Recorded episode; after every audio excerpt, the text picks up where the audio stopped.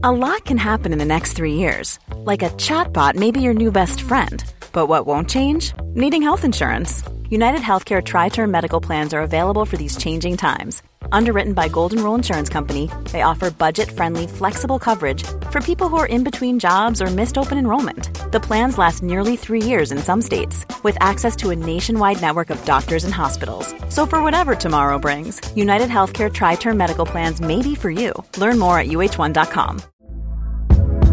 Hey there, it's Michelle Norris. I'm host of a podcast called Your Mama's Kitchen. When I travel, I'm usually looking for a way to find a taste of home when I'm not at home. And one of the things I love to do when I am at home is entertain. And Airbnb allows me to do that. When I was in California recently, I rented a house that had a great kitchen. And when we were sitting around the table, we're all thinking, we're in someone else's house. Someone could be in all of our homes as well.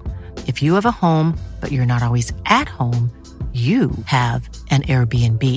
Your home might be worth more than you think. Find out how much at airbnb.com/slash host. Hey, Dave. Yeah, Randy. Since we founded Bombus, we've always said our socks, underwear, and t shirts are super soft. Any new ideas? Maybe sublimely soft. Or disgustingly cozy? Wait, what? I got it. Bombus. Absurdly comfortable essentials for yourself And for those facing homelessness. because one purchased equals one donated. Wow, did we just write an ad? Yes. Bombas. Big comfort for everyone. Go to bombas.com slash ACAST and use code ACAST for 20% off your first purchase. Er du klar for pod, Øystein? Jeg er veldig klar for pod. Nå har vi tatt med oss utstyret og sitter i en eh, spennende, hemmelig eh, veteranbilgarasje midt i Oslo sentrum. Ja, det går an. At det går an. Åpne porten her og kommer inn i et eh, Ja, du går 50 år tilbake i tid, og, og bilene og stemningen er ordentlig sånn mekkestemning. Veldig hyggelig plass vi har besøkt. Det kunne vært en låve hvor som helst, liksom, egentlig. Ja, ja. Så er vi midt i Oslo sentrum. Ja. Så det her gleder jeg meg til. Vi kjører pod, da. Ja, vi gjør det. Du lytter nå til Scootspodden, en norsk podkast om klassisk bil med Jon Roar og Øystein.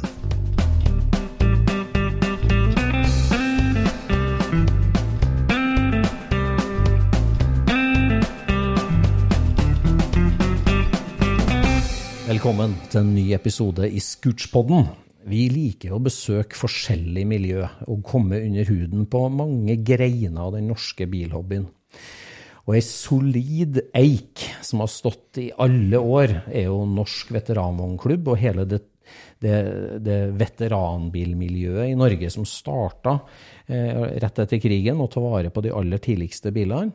Og et navn som er en gjenganger hvis du har drevet med førkrigsbil, det er jo familien Prøsch.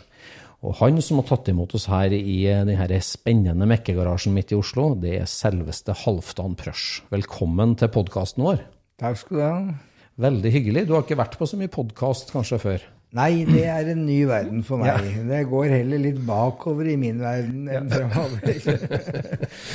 Ja, for snakk om å, å bli født inn i det. Du er jo andregenerasjons veteranbilsamler og, og, og et tungt navn i hobbyen. Og som du har stått med begge beina hele livet.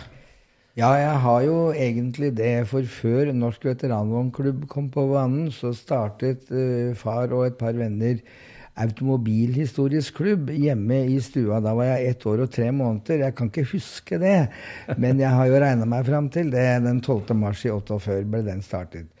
Det var nok litt tidlig eh, for folket å ha bil som hobby etter krigen. Da kan man jo tenke fremover og komme på beina igjen. Men uh, disse gutta de uh, holdt nå på og samla sammen en del biler. Og vi skal huske på det at eh, etter krigen, altså før krigen, 30-årene og 20-årene, mye biler med messingradiator og bare bremser på to hjul og alt dette her. er her. Og alt det skulle i grunnen bort. Du tok ikke frem igjen førkrigsbiler og begynte å kjøre. Og i vårt tilfelle hos meg så var eh, eh, Far kjente til en kar på Hønefoss som hadde en Minerva fra 1912. Den hadde han kjøpt ny den gangen og hatt som sin eneste bil. Men Og, etter- han, og, han og kong Haakon. ja, det, det var nok det var flere Minervaer i Norge, faktisk ganske mange, fordi at eh, de store gutta som hadde råd til å kjøpe bil, ja. skulle ha like fin bil som kongen.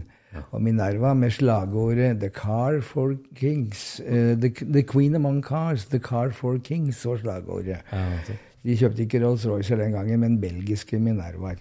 Ja, for du er jo da født, du er født Halvdan, i 46, rett etter krigen. Omtrent samtidig som din fars bilinteresse eh, får utspill. da. Ja. Og, og, og helt siden da, du har, du har vært med på selvfølgelig sammen med din far i lang tid, men du har samla mye bil, du har skrudd mye bil, du har masse bil, og du er fortsatt superaktiv. Når vi treffer deg her nå, så er du rett fra Stavernløpet, eller Stjerneløpet. Ja. Gladløpet Ja. det heter det i Stavern. Så, så du, er, du er jo kjempeaktiv fortsatt, og du har vært aktiv et helt liv med bil, rett og slett. Ja, det er rart med det. det. Det gir meg veldig mye. Jeg har veldig mye gode venner innen den hobbyen. Og eh, har vært gjennom for noen år tilbake en litt eh, sånn hjerteproblemer hvor jeg var litt langt nede. Og det da å komme opp i garasjen altså mens jeg drev og liksom skulle på beina igjen, og bare gå og snakke litt med bilen og tenke litt, det var ting. Og så meldte jeg meg på et løp, og, og det var nokså stort over et par dager. Så, og kom bak rattet da, og alt fungerte, så var det den beste medisinen du kan få. Altså, og sånn er det egentlig øh, i dag òg. om man har en litt dårlig dag eller et eller annet, så gå en tur i garasjen. Stell med kjæledeggen din, det du er glad i. Det gir deg veldig mye, altså. Så hele mitt liv er basert rundt den egentlig. Og den dagen det er slutt, så vil jeg si at jeg har hatt et godt liv Ja, med disse bilene. Ja, som du sier, et liv. Og det, det starta jo tidlig, som sagt. Du satt, eller du krabba rundt på gulvet hjemme i stua til far din når det som egentlig var kanskje en av verdens første veteranbilsamleklubber, ble skissert opp og etablert. Din far Gerhard Prøsch, da, som, som Ja, det er jo selvfølgelig vanskelig å slå engelskmenn. Og de starta sin Western Car Club of Great Britain i 1930 allerede. Ja. Så eh, det visste jo far, og han var blitt medlem der. Men det hadde nok litt å si med interessen for dette her i gamle. Og så kom, eh, når det gjaldt dette her med den Minervaen jeg var inne på, så var det nettopp sånn at eh, eieren av den, Sverre Grøndal, som eh, var direktør på Follum fabrikker, han eh, ville ikke ta i bruk den igjen, så han averterte den til salgs. Da kom fiskehandleren i Hønefoss og ville gi 1000 kroner. Han skulle kappe av bakparten på karosseriet og lage lastebil. Det andre alternativet og budet han fikk, det var russen som skulle ha han til russebil. Det hadde han heller ikke lyst på. Så ringte han til far, og så sa far det at jeg har dessverre ikke anledning til å gi deg noe 1000 kroner for den bilen, men jeg kan love deg å gi den bilen et godt liv videre. Ja, men da blir det sånn, sa Grøndal. Og den henta vi gratis, kjørte den hjem. Og, Kjørte den hjem? Ja da, den var, trengte selvfølgelig en eh, lakkering og oppussing. Man restaurerte biler litt annerledes den gangen, men det var fullt salmakerarbeid og lakkering og alle sånne ting. Og ellers så tjente den familien vår da de neste 20 åra med all verdens løp og turer. Så det var liksom litt Men, Men hvor, hvor kom den interessa til faren din fra, da, egentlig? Altså, hva slags, bare Si litt om slags type var han, hvilket hjem kom han fra? Var han en mekkefyr, eller var han en Nei, han var eh, for øvrig født i Trondheim, da, som mange prøsjer. Og, og, og kom til Bærum, eller til Asker, eh, tidlig på 20-tallet, hvor min bestemor startet Asker bokhandel. Og, og så ble det bil. Det var den store tingen ute i verden, liksom. Så han begynte som læregutt hos Sørensen og Balken Ja, det det. i 16 år gammel, i 27. Og hadde lønn på 35 øre i timen. Eh, 16 kroner og 80 øre i uka for 48 timers arbeidsdag. Det var ikke mye å kjøpe bil for. Men eh, så ble efter eh, ja, Han var blant eh, Norges første åtte som fikk fagbrev som bilmekaniker. For det var noe som myndighetene fant ut da på den tiden. 627 så kom Statens bilsakkyndige som en institusjon. Og så skulle man ha godkjenning av biler og alt dette her, så da tok en fagbrev på det. Og så ble det bilforsikring. Så det var, og, og bil, han var skadekonsulent opp gjennom åra senere, det. Men interessen for bil det, det var eh, skapt tidlig. Og jeg har funnet hjemme kasser med bilbrosjyrer og det du kunne få tak i på 20-tallet. Har mye sånn gammelt stoff fra han der. Så veldig eh, Han var hekta. Han var hekta.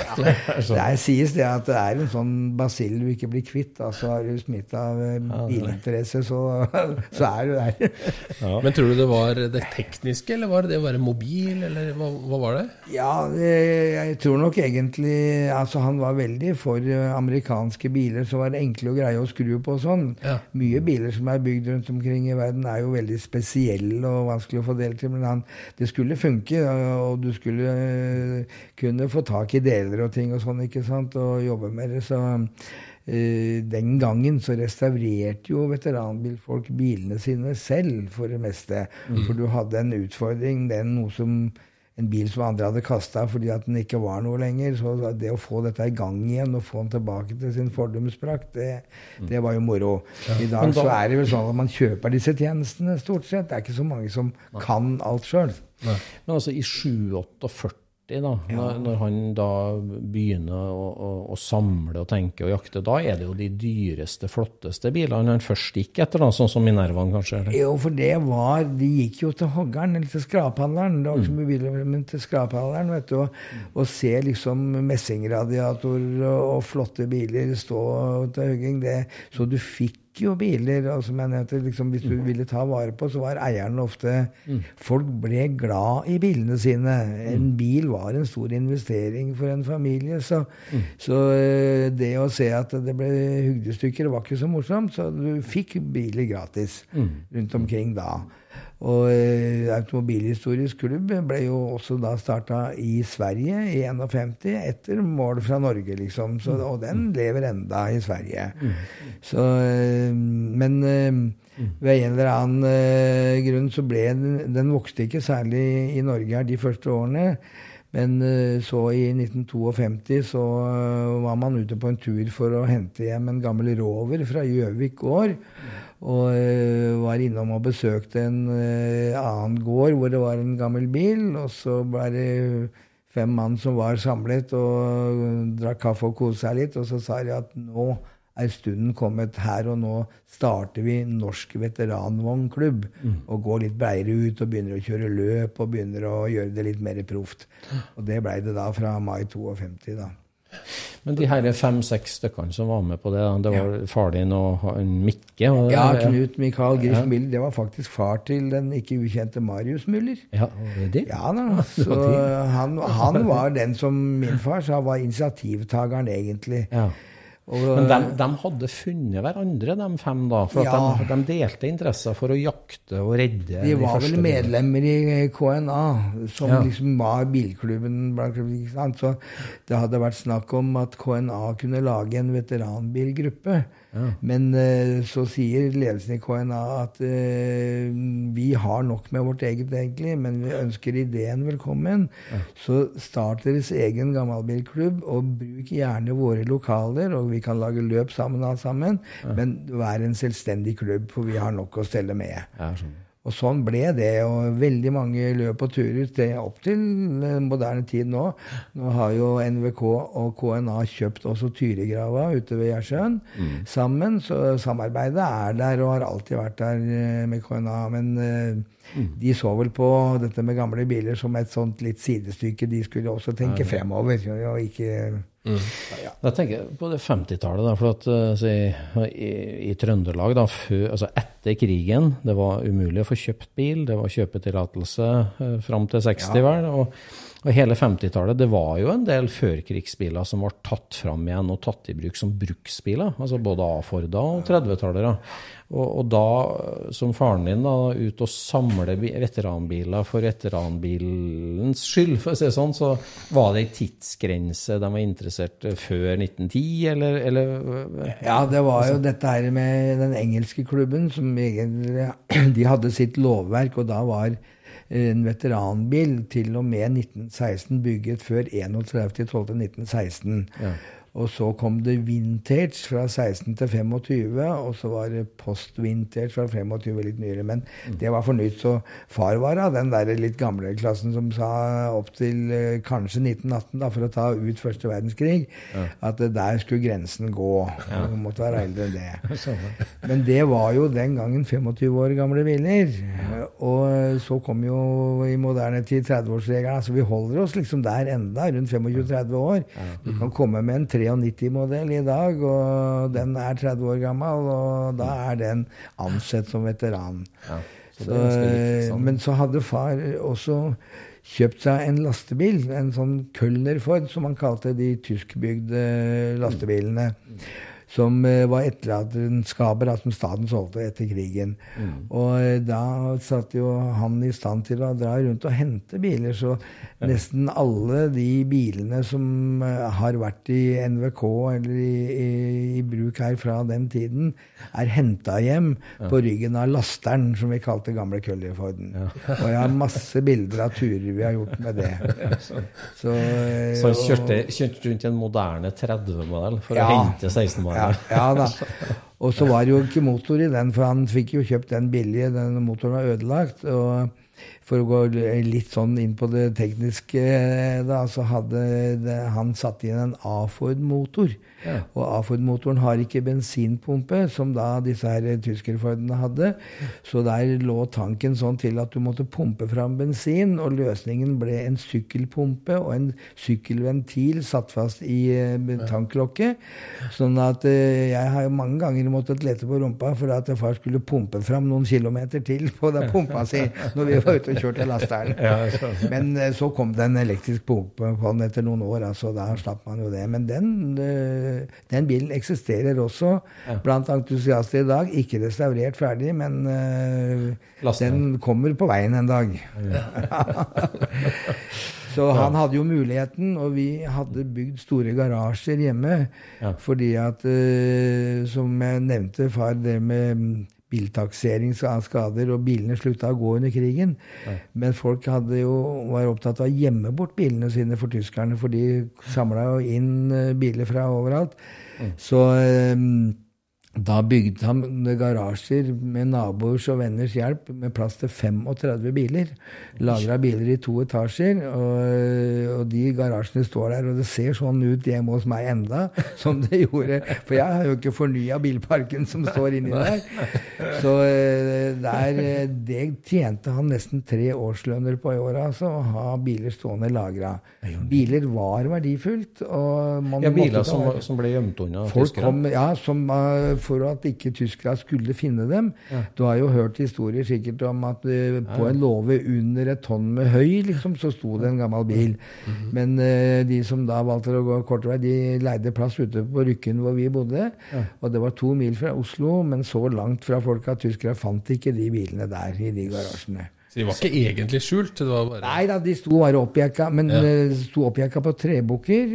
Og da var det noe Det skjedde en gang at det kom noen tyskere som uh, mente at disse her bilene burde erverves av dem og tas i bruk.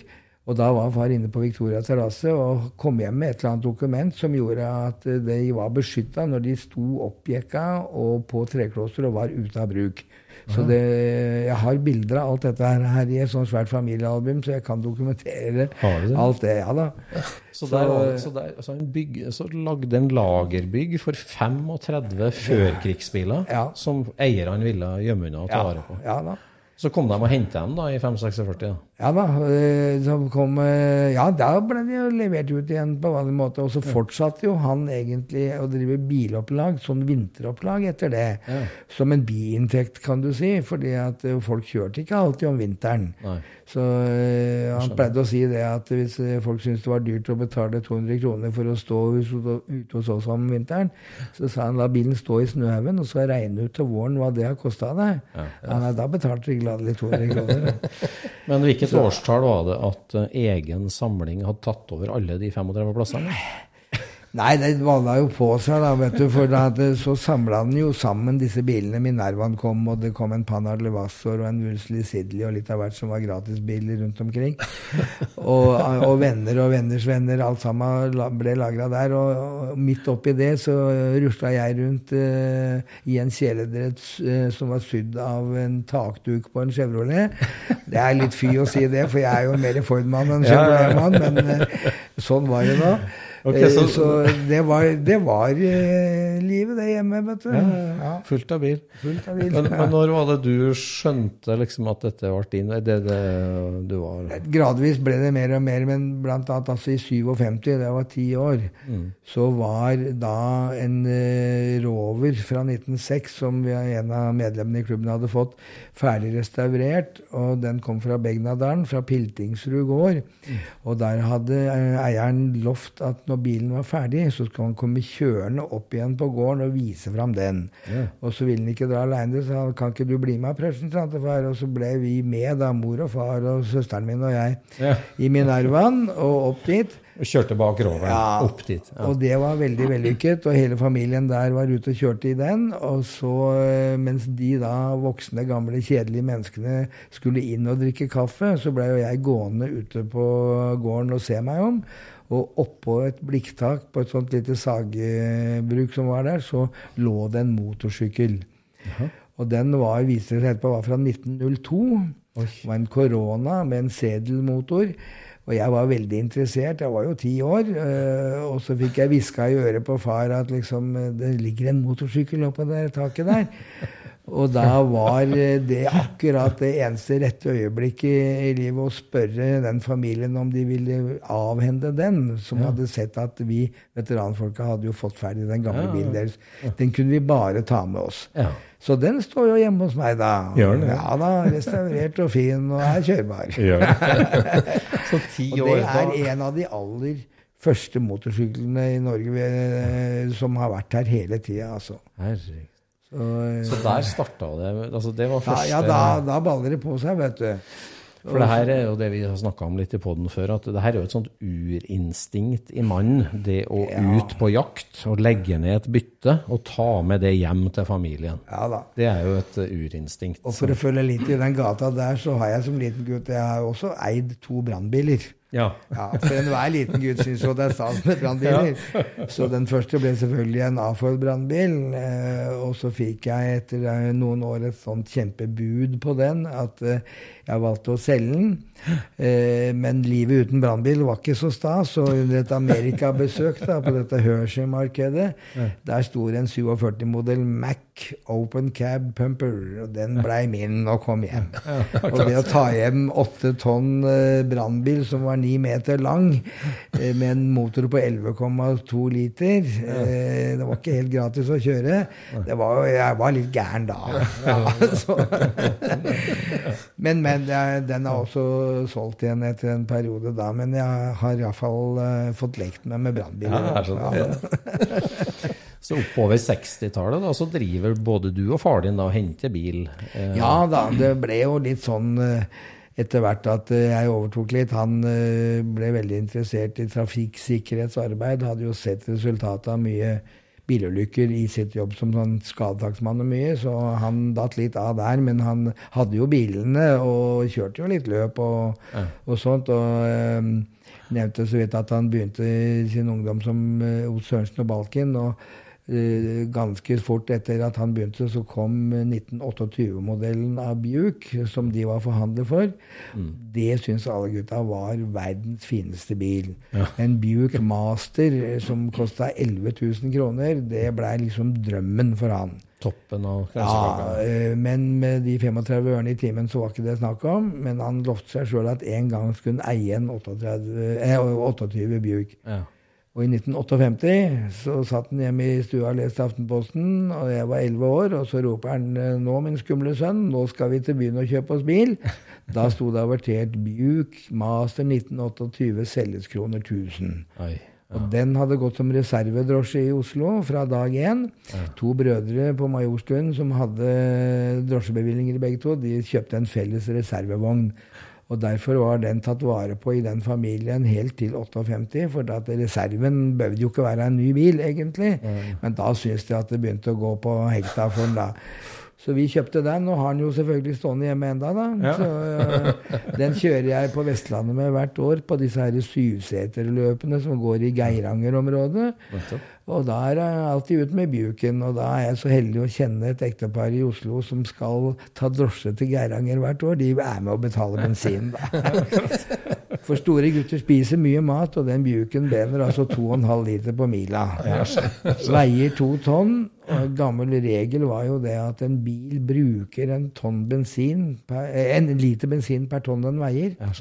Så når vi er fire mennesker med bagasje i bjuken, så er det 2,5 tonn.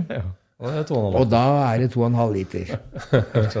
Så eh, den har fulgt meg fra jeg var 11 år, og jeg kjører litt bryllup og sånt noe med den. Og det er mange som liksom spør starter den og går, får, får hun til å holde det i liv? Men den er familiemedlem, så vi, jeg bare snakker med den, ja, så går den. Oppfører seg. Ja, ja, det ja. var et bryllup hvor det var, jeg hadde fusk her for to år siden, og, og da skjøt den, og det viste seg etterpå at det var kondensatoren, og for de som veit hva det vil si, så da skyter det og kommer mye rare lyder. Men da, under fotograferingsstopp ute på Bygdø, så mm, sa jeg til henne at nå er du snill, og så går du bort til ris hvor vi skal levere uten en fuskelyd. For ellers så setter jeg deg igjen på veien, og så går jeg hjem, og da kan du stå der og, og surmule.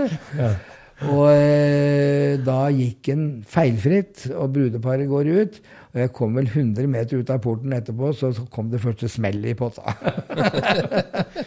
Så det er herved bevist, altså biler har sjel. Biler har sjel. Og, um, Og ører. Madammen har spurt noen ganger hvorfor er du borte og skrur på den. Altså Man regulerer jo høy og lav tenning på rattet på disse gamle bilene. Og så kan du regulere bensintilførselen, mager og feit blanding på sjåken og sånt noe. Hvorfor gjør du det?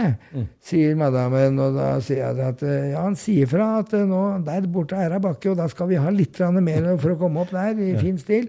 Så du sitter og snakker med han. Ja. Og, og det når, Snakker du høyt, eller? Hvis du kjører alene? Nei da, men jeg bør ikke egentlig det. Men, men det er jo sånn at når en venn eller bekjent kjøper en gammel bil, og kanskje ikke har vært borti det, og og, kanskje litt redd for å ta i bruk og, for å være redd for å gjøre noe dumt, så sier jeg at finn deg en rolig plass. Og så kjører du alene uten andre til stede, og så blir du kjent med Du skal bli dus med bilen din. Hvis dere føler at dere har en gjensidig følelse for hverandre, så går det bra. Det gjør det ofte. Har du, har du hatt noen som du ikke ble venn med, eller som du bare måtte kvitte deg med? Nei, e egentlig ikke. Eh, Jeg hadde Nei, det, jeg kan jo ikke si noe gærent om eh, Ford-merket, men jeg syns nok det at eh, T-Forden og A-Forden er herlige biler, men disse V8-erne som kom fra 32 og oppover, var tyngre å skru på. Og hvis det var noe tull med tenning eller noe, så satt fordeleren fordømt dumt plassert, altså. Så det var eh, Nei, jeg, det stoppa liksom i 31 for meg. Ja, skjønner. ja, for der, der far din da jakta veldig eksotiske biler ofte, og, og messing, og før 1916, så ble det jo A-Ford og T-Ford som ble veldig din bane. alt sånn. Ja. Eh, Det var jo sånn at jeg måtte ta ut Hvis mor kjørte også bil, og vi hadde jo, hadde jo sin garasje, hun òg, så skulle hun i butikken, så var jo jeg veldig snill gutt. da, Ville fly og hente bilen og parkere den utafor døra. vet du. Så jeg lærte jo, begynte å kjøre bil da jeg var syv år, eh, hjemme på tomta. Og det var en liten Fiat den gangen der, da. Men eh, det var liksom naturlig. Men så syns vel far eh, det, i rundt 1960 jeg kjøpte min første bil den 13. mai 60, og det var en A-Ford. For da sa han det at eh, kjøp deg en gammel A-Ford istedenfor å skru og tulle med bilene våre nå. Så kan du plukke den fra hverandre og i noen grad sette den sammen igjen om du greier det. Men da lærer du mye om å skru hvis du har din egen bil. Så kjøpte jeg den for 300 kroner. Far kom hjem med den. Jeg hadde jo ikke noe førerkort, selvfølgelig. Og så ble det endte med at jeg eh, hugget den opp. Ja. Mer etter, etter i løpet av den sommeren, for da hadde jeg funnet en til. Ja. Og det var en uh, liten pickup som jeg syntes var festlig. Den her i første var en varebil med et norskbygget karosseri. Det var nokså vanlig på den tiden at det, vi hadde jo karosseribyggere rundt omkring i landet, så du kunne kjøpe et chassis og bygge karosseriet selv. Og den hadde gått som pølsemakerbil og var litt dårlig i treverket og sånt. Og da, så, så den ble hugget. Men eh, papirer på den eksisterer enda, og deler fra den og sånn. Så jeg har tenkt at hvis jeg en gang eh, var gæren nok, så skulle jeg bygge opp igjen eh, den. Jeg har alle papirer og notater på, men det begynner vel å bli seint.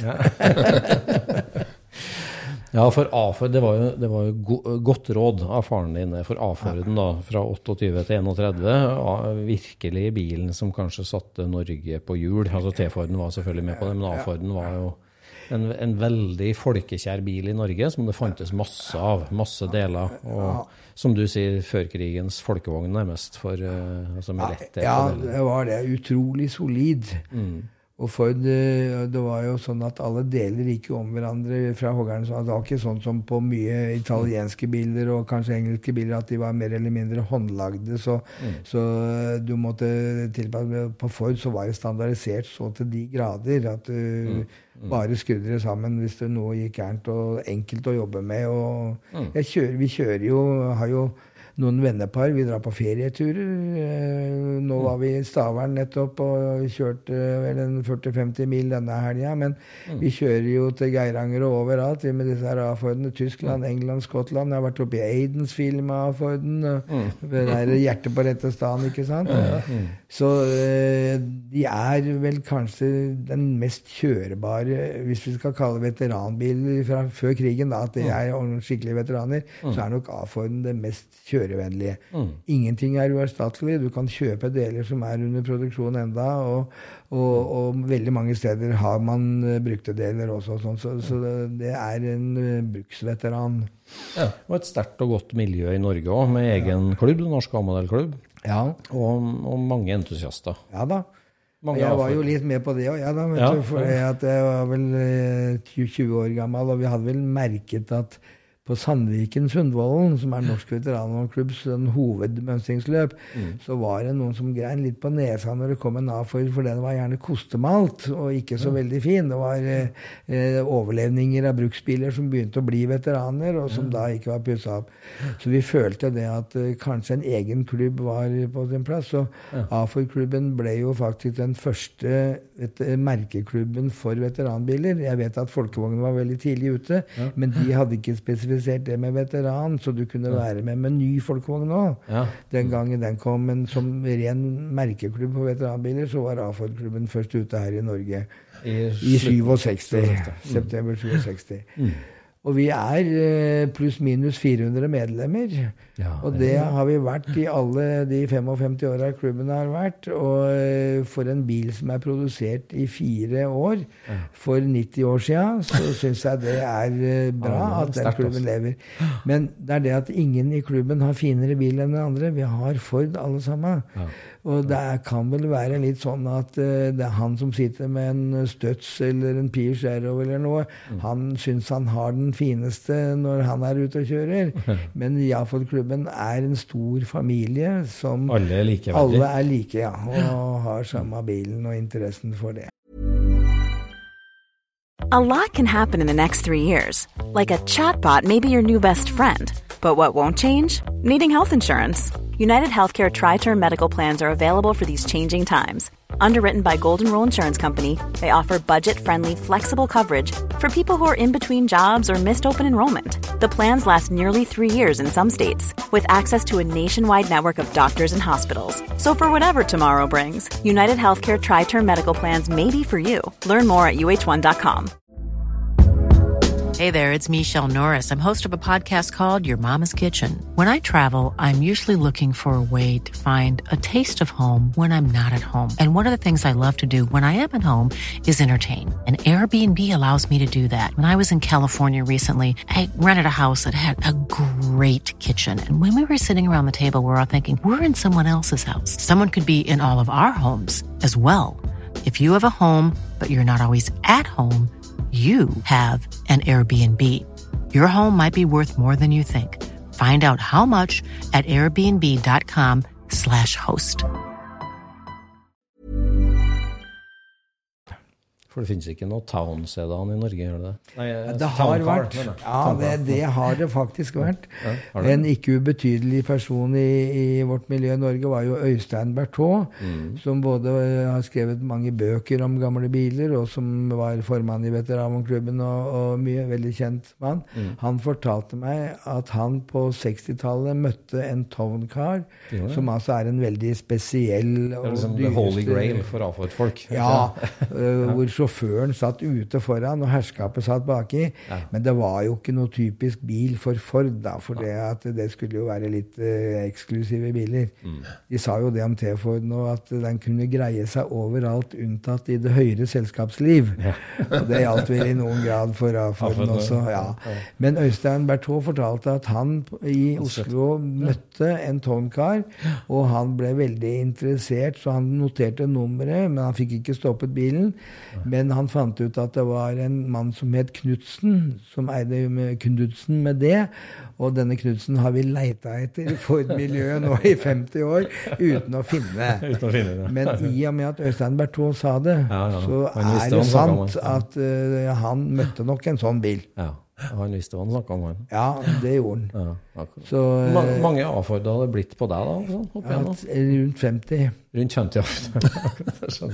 Jeg har eh, tenkt litt eh, på det noen ganger. For at selvfølgelig, den gangen du kunne fråtse i A-Forder på 60-tallet, sånn, så var jo eh, delebiler. Vi, vi bygde gjerne én bil av to, eller tre for den saks skyld.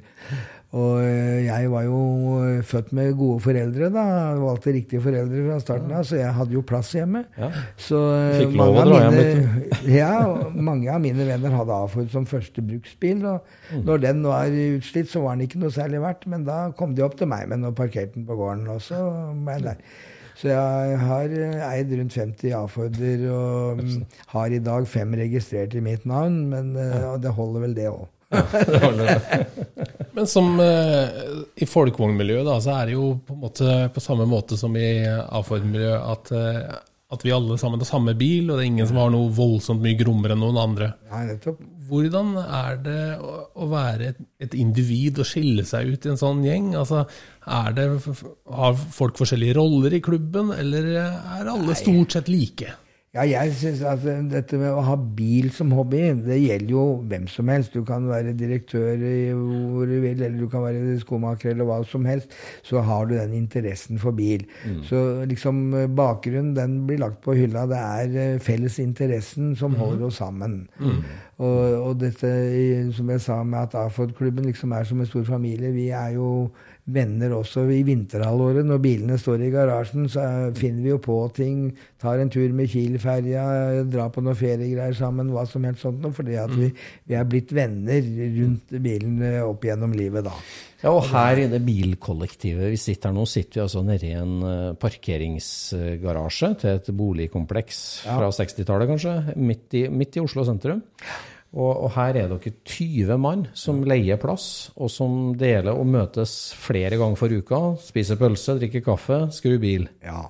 Så det det derre syforeningslivet er jo en viktig dimensjon av bilhobbyen. Det er absolutt det, altså. Det, en god venn i klubben eh, hadde et uhell med båten sin en dag. Han sto, hadde tatt den på land, og så sto han og skulle ta vårpussen, og detter ned fordi at en sånn baderampe bak på båten ryker, og han går i bakken fra tre meters høyde Ohoi. og skada seg nokså bra. Men eh, etter noen dager på sykehus så var han på beina, og da ringte han meg og sa da kan du hente meg i dag, jeg har så lyst til å dra i garasjen. Så jeg kan ikke kjøre, for jeg har hjernerystelse, men eh, henter du meg? Jeg må i garasjen og få ei pølse og ljuge litt med gutta. Det er medisin. Det er medisin. Ja, så, eh, Så her sitter vi jo rundt pølsebordet, og så her, hver mandag så er det pølser her. ja da, men ikke si det på lufta. Nei, ok. Nei, det er ikke, vi har ordet igjen. ikke ordet igjen. For da går praten her, og da er det ikke lett å komme til ordet. Altså. Men det er eh, veldig godt eh, for eh, Har man felles interesse og har en sånn hobby, så er noen er flinkere på den ene tingen med en bil enn den andre. En er flink med treverk, en annen er flink som salmaker og hva som helst. Vi hjelper hverandre. Og det er jo uh, unndratt skatt og moms og sånn, det å få litt privat hjelp da nede i en garasje. Håper jeg, da.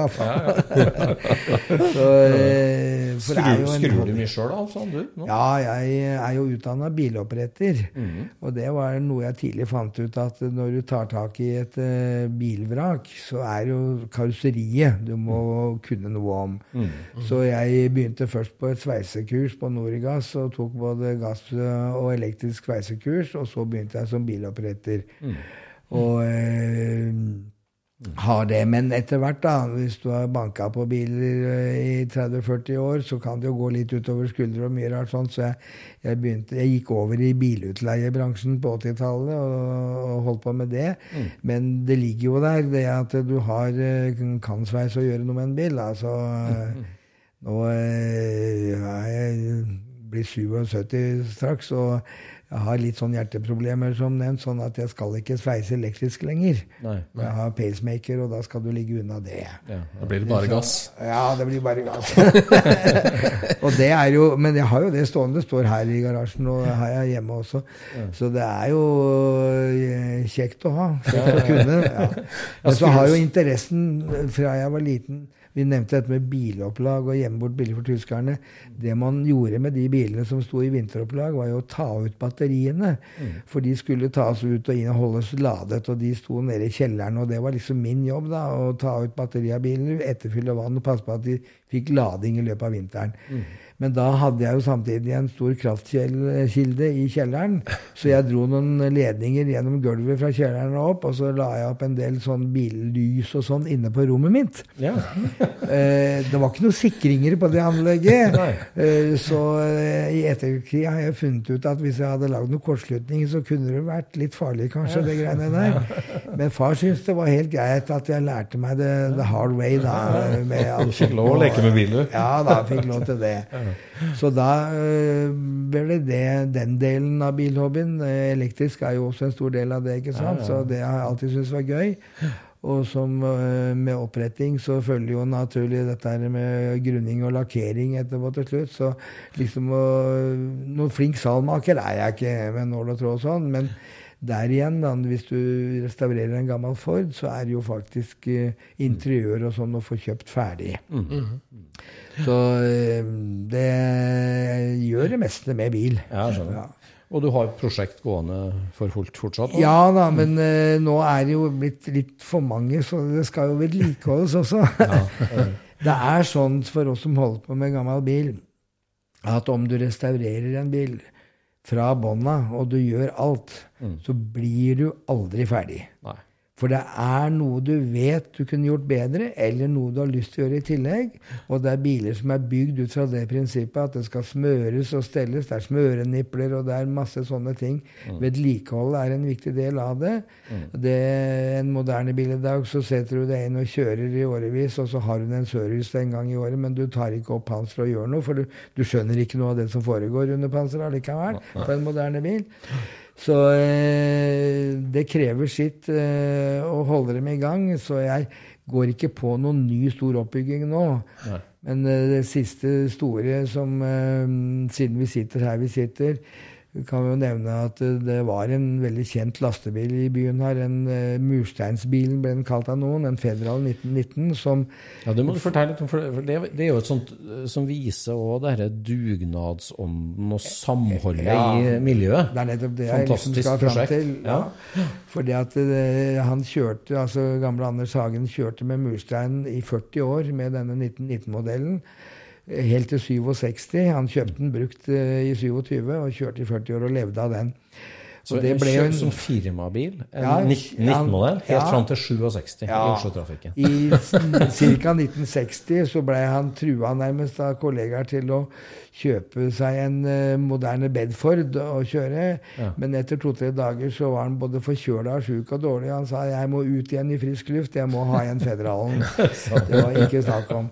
Men den ble en snakket, Den ble borte i 67, og den havna i Danmark. Og der sto den altså i nesten 50 år, nærmest ute på et jorde. Men mange husket den bilen fordi at eh, det var et spesielt syn i Oslos gater. Den var med i eh, den spillefilmen 'Gategutter' til Arne Skouen fra 849. Der har han en vesentlig rolle. Den kan lastes ned hvor du vil, når som helst, og sett på. Og gå på NRK fra tid til annen. Så den bilen var det noen her i Oslo som sa at den burde vi få hjem igjen. Og så For å gjøre lang historie kort, så reiste jeg ned og henta han i Danmark eh, og fikk han hjem i garasjen her i Trondheimsveien. Og alle gutta her gikk på, og alle kunne bidra med sitt. Vi har én kamerat som er glassmester. Han satte en ny frontrute på den gratis. En annen overhalte dynamo og, og fordeler og sånt noe. Og, og magneten. Altså gratistjenester fra folk som kan noe. Så etter eh, et halvt år vi henta bilen 14. September i eh, 15, og da fant vi ut at om et halvt år så må man starte, og da viser det seg at eh, i året etter så var det også en mandag, som er de dagene vi skrur her. Så på halvtårsdagen så starta han for første gang etter 50 års hvile.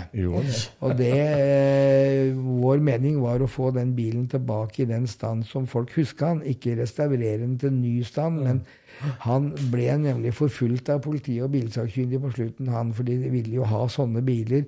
Kun bremser på bakhjula. Og åpen på alle måter. Hadde ikke dører på den engang. Det var eh, en veldig enkel lastebil. Så eh, han måtte holde, Hagen måtte holde bilen sin i god teknisk stand. Så vi slapp å bytte kingbolter og fjærenker og sånne ting. Alt det hadde han passa på.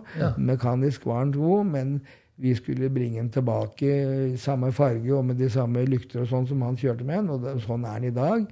Ja, For den var jo litt modernisert, var den ikke det? ja da, han måtte ha elektrisk lys etter hvert. Ja. Og en 1919-modell hadde jo ikke noe batteri engang, for den hadde magnettenning. Så da lagde den en dynamobrakett og fikk laga til det. Og, og sånne ting. Og så måtte han ha retningsvisere, og så måtte han ha speil, og alt dette her. Som vi har jo faktisk en del bilder av han fra forskjellige ukeblader opp gjennom åra. For det at eh, allerede i 53 så syns folk at det var rart med den bilen. Så bladet Ser ut som en hestevogn, på en måte. ja, Bladet Motor hadde en artikkel og intervjuet med han i 53. Og da eh, spør hun som intervjua han, så sier hun men eh, hva med vinteren, da, Hagen? Får de startet denne bilen om vinteren, da? Det er jeg som drar i gang de andre, svarte Hagen. For jeg har magnettenning, jeg, ser jeg. Og da går bilen. Han sa ikke noe om at det var meget tungt å dra i gang en sånn motor for hånd. Han hadde jo ikke selvstarter.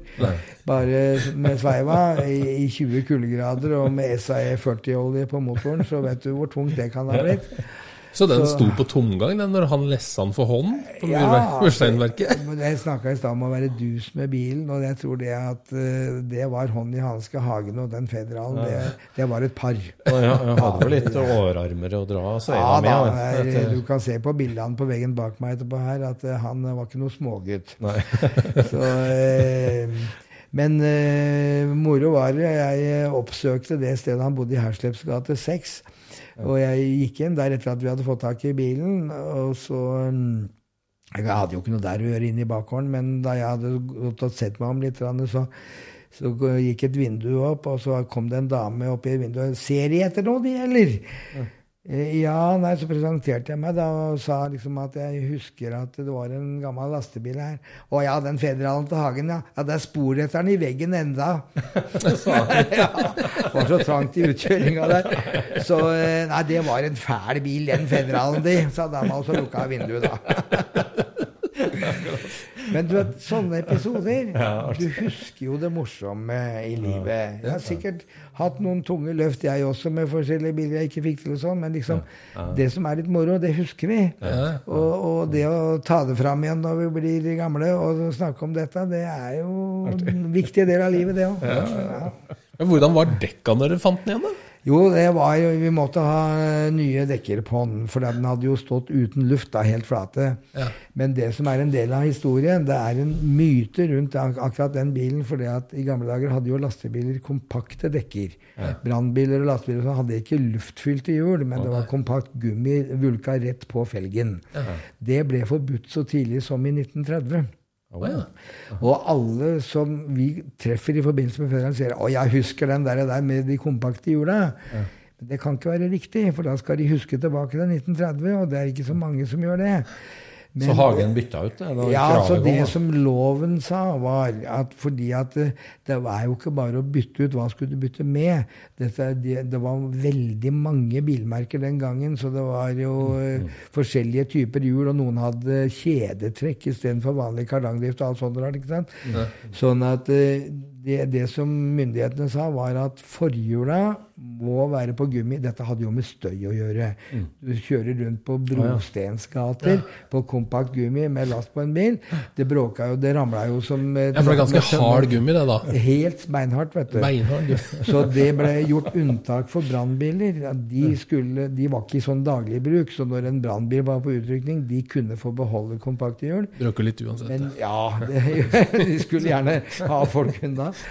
Men, men eh, du måtte ha forhjula med luftfylte hjul, og så fikk du to eller tre år på deg til å få gjort noe på, på bakhjula. Og vi har bilde av denne federalen på en byggeplass hvor han er innom, med gummihjul foran, eller luftfylt hjul foran, og med kompakte bakhjul. Så eh, den, eh, men jeg skulle gjerne møte den mannen i dag som husker at han sykla om kapp med federalen med kompakte dekk, for da, da er han eh, over 100. ja. Så, men det der eh, samholdet der i hobbyen, å få den i gang Og nå er den utstilt oppe på mm, Hasle, hvor eh, Vinmonopolet i sin tid bygde sitt uh, hovedkvarter, og uh, hvor det da er blitt kjøpesenter. Det er den fredet, den bygningen, og der står Federalen utstilt, så alle kan få se den. Ja. Og det er folk som husker den og kommer bort til oss. Vi, vi har jo gjort det sånn at vi tar den med opp på veteranvognklubbens Ekebergmarked eh, en gang imellom og kjører en tur med den. Og da kommer det folk som ikke har noe bilinteresse, eller noe, men Og den husker jeg, den federalen. Så, så vi gjorde nok rett i å få den hjem igjen og ta vare på den. Du må jo kjøre ned i bygården der og ripe opp veggen litt. Ja, Ja, ja. Det var jo eh, hengslene til lemmene vet du, som stakk litt utenfor. For den gangen var det ikke sånne fenderlister på sidene, så det, det, det var så smalt i der eh, innkjøringa i den gården der, så jeg så de spora. ja, det det. Men var han Hagen med i eh, noen veteranklubb, da? Eller var det bare bruks... faktisk så deltok den bilen i norgeshistoriens første veteranvognløp. For det var da NVK ble stifta, som jeg nevnte, i 52. Og i 54, sammen med KNA, så lagde man en tur fra Kadettangen i Sandvika og inn til Teknisk museum, som den gangen lå på Bygdø. Ja. Og det var 62 biler påmeldt, og kjørte den turen der, litt innom Oslo, ned Kirkeveien og så ut til Bygdø. Og der eh, har jeg programmet fra den tida. Der står Hagen påmeldt med sin Federal, og også sin Packard Twin Six 1919-modell. Så han står som både eier og fører av begge bilene. Så om han greide å kjøre begge to samtidig, det tviler jeg vel litt på. Men han hadde kanskje en hjelpemann eller noe på det. da. Men, eh, og de bodde da eh, i, inni Han må ha vært en litt mektig mann som greide å få to plasser inne i bakgården Ja. den gangen. For det var jo ikke vanlig å ha garasje, alt skulle stå ute. Men han hadde to plasser inne eh, til Federalen og til pakkeren sin. Men eh, det var jo bare for han eh, antagelig syntes det var moro at han hadde en gammel lastebil. Så han var ikke noe med i noen klubb siden. Og han eh, ja, men 1919 Packard òg, en gammel bil i ja, ja, det, det, ja. det var det. Ja, det Men jeg vet ikke hvor lenge han kjørte med den. Men den var iallfall registrert og på skiltet i 54, og, og, og sto der da, da vi kom og um, og vi har litt bilder, og jeg var litt med borti den gangen også, faktisk. Og den eh, bilen ble solgt til Danmark, den Packarden. Så jeg hadde en A-Ford kranvogn og var der og var med litt på det. Så jeg traff Hagen i levende livet sjøl. Ja, ja. Eh, og ante ikke at han skulle bety så mye for meg 50 år etterpå, egentlig. Nei. Men som jeg har bilde av det, er at de to står sammen der, og Hagen står med pipa si og, og tenker når bilene går av gårde. da. Så, men eh, nei, det er mye man kan Men eh, Bilsamlinga di sjøl, altså, mye Aford som vi har snakka om, Buken. Du har jo hatt en par folkevogner òg, vet jeg? Ja da. Og, eh, men eh, den første liksom veteranbilen min, det ble en T-Ford fra 1911. Ja. Og der, Den var med i et løp i 57, så kjørte vi til Tyskland på et løp. Jeg var med i fart med og sånn, men som guttunge så fikk jeg da sitte på Det var seks biler som kjørte ned til Hamburg. Et løp som het Hamburg Travemünde. Og eh, jeg fikk sitte på med alle sammen, og den sprekeste og morsomste var en T-Ford fra 1911, en toseter. Så den eh, forelska jeg meg i den gangen. Og um, den eides etter hvert av Finstads Autoco i Sandvika, som var Ford-forhandler. Og i 1974 var de 50 år eh, og feira jubileum. Men så fant de ut at nå kan vi selge den T-Forden, for nå har vi hatt den i så mange år. Og tatt bilde av ny og gammel Ford og brukt det i reklame, men eh, nå er vi ferdig med det. Og da fikk jeg overta den eh, T-Forden, og den står klar hjemme den dag i dag. Så det er liksom favoritten. Og Det er en legendarisk bil i norsk Ja, bilhobby, vil jeg si. Med messingfronten og Ja.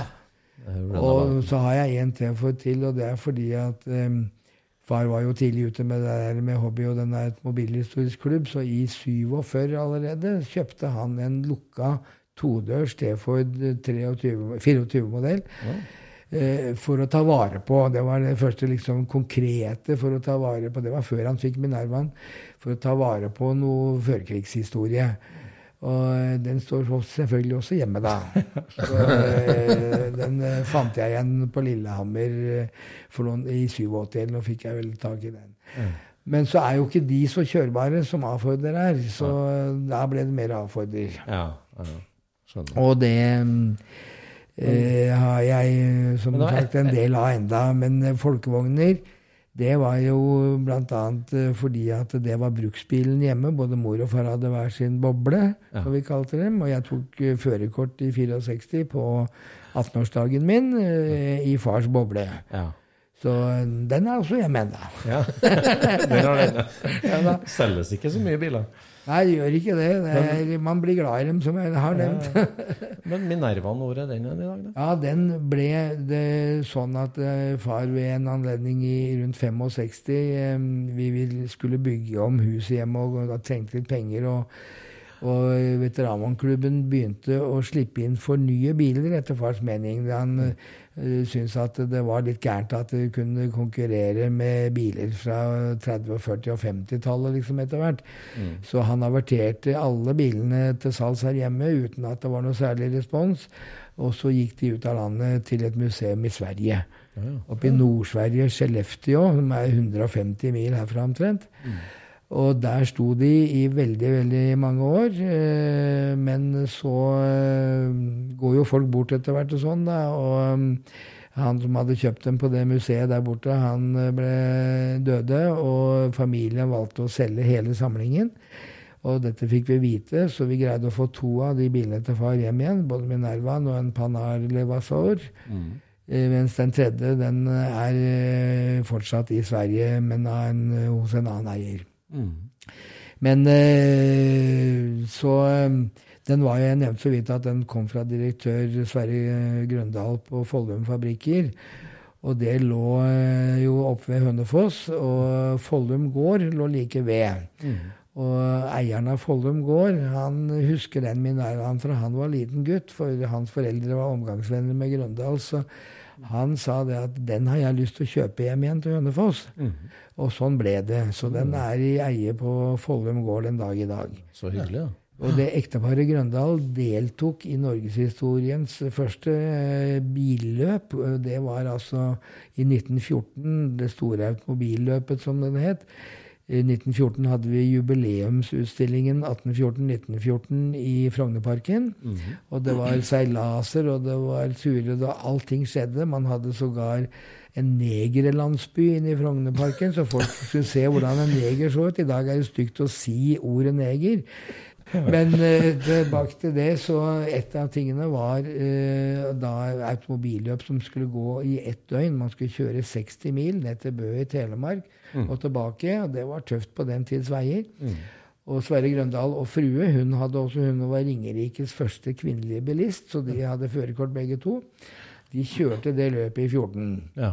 Men så en av de store nøttene å knekke, det var å komme opp sagrenna ved Kongsberg, ved sølvgruvene. Ja. Opp øh, og skulle over øh, Hva heter nå det Meheia. Over Meheia.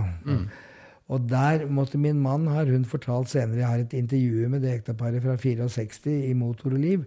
Så forteller hun at der måtte min mann bruke førstegir på Minervaen. Det hadde han ikke gjort før, for det var veldig lavt uh, gira. Mm. Og da vi kom på toppen av bakkene, så ville ikke bilen ut igjen av førstegir. Og uh, etter at vi hadde prøvd å, og, og fikk stallkaren som satt i baksetet, til å ta opp girboksen, men så mistet han skiftenøkkelen ned i girboksen, og da måtte vi bryte løpet. Forteller hun 50 år etter. Ja. Så, fan, så, ringer jeg opp til uh, Nils Christian Bang, da, som er dagens eier, og sier det at du, nå er det 100 år siden det løpet gikk. Ja. Skal du og jeg ta Minervaen og fullføre det løpet? For da skulle ja. Norsk Veteranklubb lage en gjentagelse av det løpet i 1914. Og eh, så ble det at eh, Bang var forhindret den dagen, men han sa 'kom og hent meg Narvan', og dra av gårde. Så jeg kjørte med min sønn Gerhard ja. Eh, det løpet om igjen, og vi passerte Meheia i fin stil og kom hjem igjen i mål. Så vi fullførte på 100-årsdagen. 21.6.2014 og 21.6.1914. Ja. Men måtte du ned i første gir da, over heia? Ja, det husker jeg ikke lenger, men det tror jeg nok jeg måtte. Men jeg kom ut igjen nå. Ja, du kom ut igjen. Den hadde vel slitt seg til litt i løpet av årene, tenker jeg. Så ja.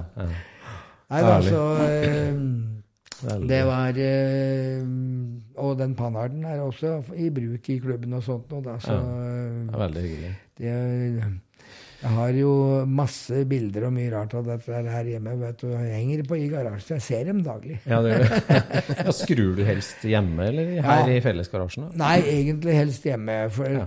det er sånn med det hvis du har et problem med en bil eller noe Du vil gjerne bruke ditt eget verktøy, det du er kjent med. Du jobber best med det, egentlig. Ja, uh, her inne har vi veldig mye fellesverktøy, og selvfølgelig gjøres det noe her òg. Det er jo mm. uh, vinterkvelder og absolutt mye skruing her. Men uh, jeg, jeg, har løftebok hjemme og mm. i en av disse her i garasjen og gjør daglig vedlikehold på bilen min sjøl og sånt noe. Mm.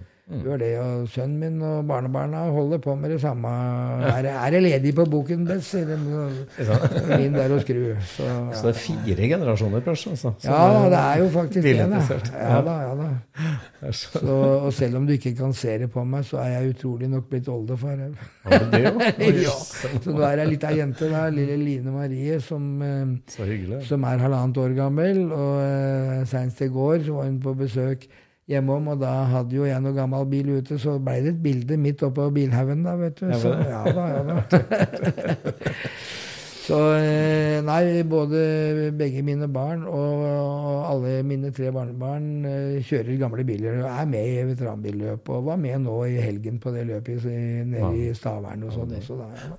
Hva kjørte du i helga? da? Jeg kjørte A-Ford Roaster, Deluxe Roaster fra 31. Ja, det er en sånn toseter med svigermorsete, hvis folk husker hva det var. Hvor to stykker kan sitte bak i et lokk baki. Mm.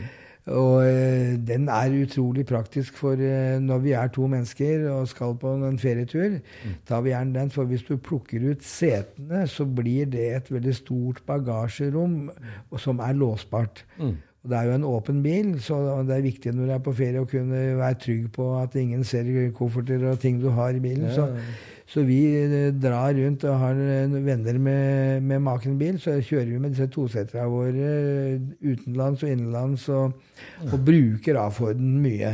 Og, sånt. og vi ligger unna trafikkerte veier. Vi tar koselige veier mm. som vi ikke er til hinder for noen. Fantastisk. Nei, bilhobbyen eh, den, eh, den, gir på mange måter, og det som vi snakka om, vi har vært mange dimensjoner med mekking og kjøring og det sosiale og det historiske. Det er så mange fasetter. Men, det er det. Ja. Men hver mandag er du her. Da er jeg her, ja da. så det Nei, det er nok eh, mange som sier det egentlig nå. Vi er jo ikke til å unngå at uh, mennesker som uh, nærmer seg 80 og sånn, begynner å få noen småskavanker. Men liksom det der samholdet, det å møtes og Vi gleder oss til mandagen. Ja. Og inn og prate og, og ljuge litt, som jeg pleier å si. Det ja, ja, var veldig hyggelig at vi fikk komme på besøk og være med på litt av ljuginga. Det syns vi var veldig hyggelig. Ja, det er jeg glad for også. Takk for at du har belyst så mange fine sider med, med bilhobbyen som mange kjenner seg igjen i. Mm. Jo da, det, er, eh, det, det, blir jo borte med de som blir borte. Så blir jo sånne episoder og sånn borte. Så mm. nå er det jo på en måte kommet litt på trykk, da, for å kalle det det. Så uh, får jo ettertiden gjøre hva den vil med det. Det er veldig bra. Tusen takk for at vi fikk komme på besøk, Alfstand. Dette har vært en veldig interessant prat. Absolutt. Ja, det syns jeg òg. Og eh, så beklager jeg hvis jeg tråkket noen på tærne ved å nevne den uh, negerlandsbyen, men sånn var det faktisk i 1914. Ja, sånn var det. Så uh, jeg refererer til en tid som vi har levd igjennom. Ja. ja. ja. Veldig, og vi skal skildre gamle dager. Det er det mye av Scootspoden handler om. Verden var en helt annen plass. Det er jo bare For 100 år siden. Veldig hyggelig. Tusen takk, Alfa. Takk for oss.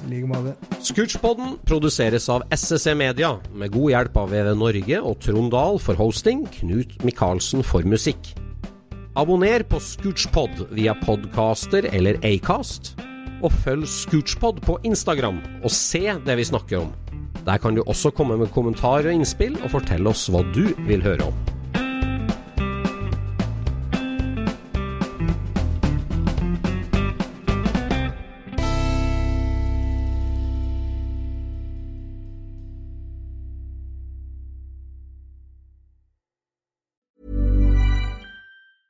Hi, I'm Daniel, founder of Pretty Litter. Did you know cats tend to hide symptoms of sickness and pain? I learned this the hard way after losing my cat, Gingy. So I created Pretty Litter, a health monitoring litter that helps detect early signs of illness by changing colors, saving you money and potentially your cat's life. Pretty Litter is veterinarian developed, and it's the easiest way to keep tabs on your fur baby's health right at home. Go to prettylitter.com and use code ACAST for 20% off your first order and a free cat toy. Terms and conditions apply. See site for details. Planning for your next trip?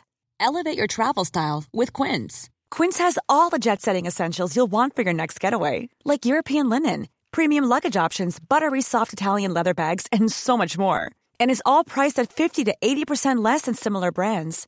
Plus, Quince only works with factories that use safe and ethical manufacturing practices. Pack your bags with high-quality essentials you'll be wearing for vacations to come with Quince. Go to quince.com slash pack for free shipping and 365-day returns.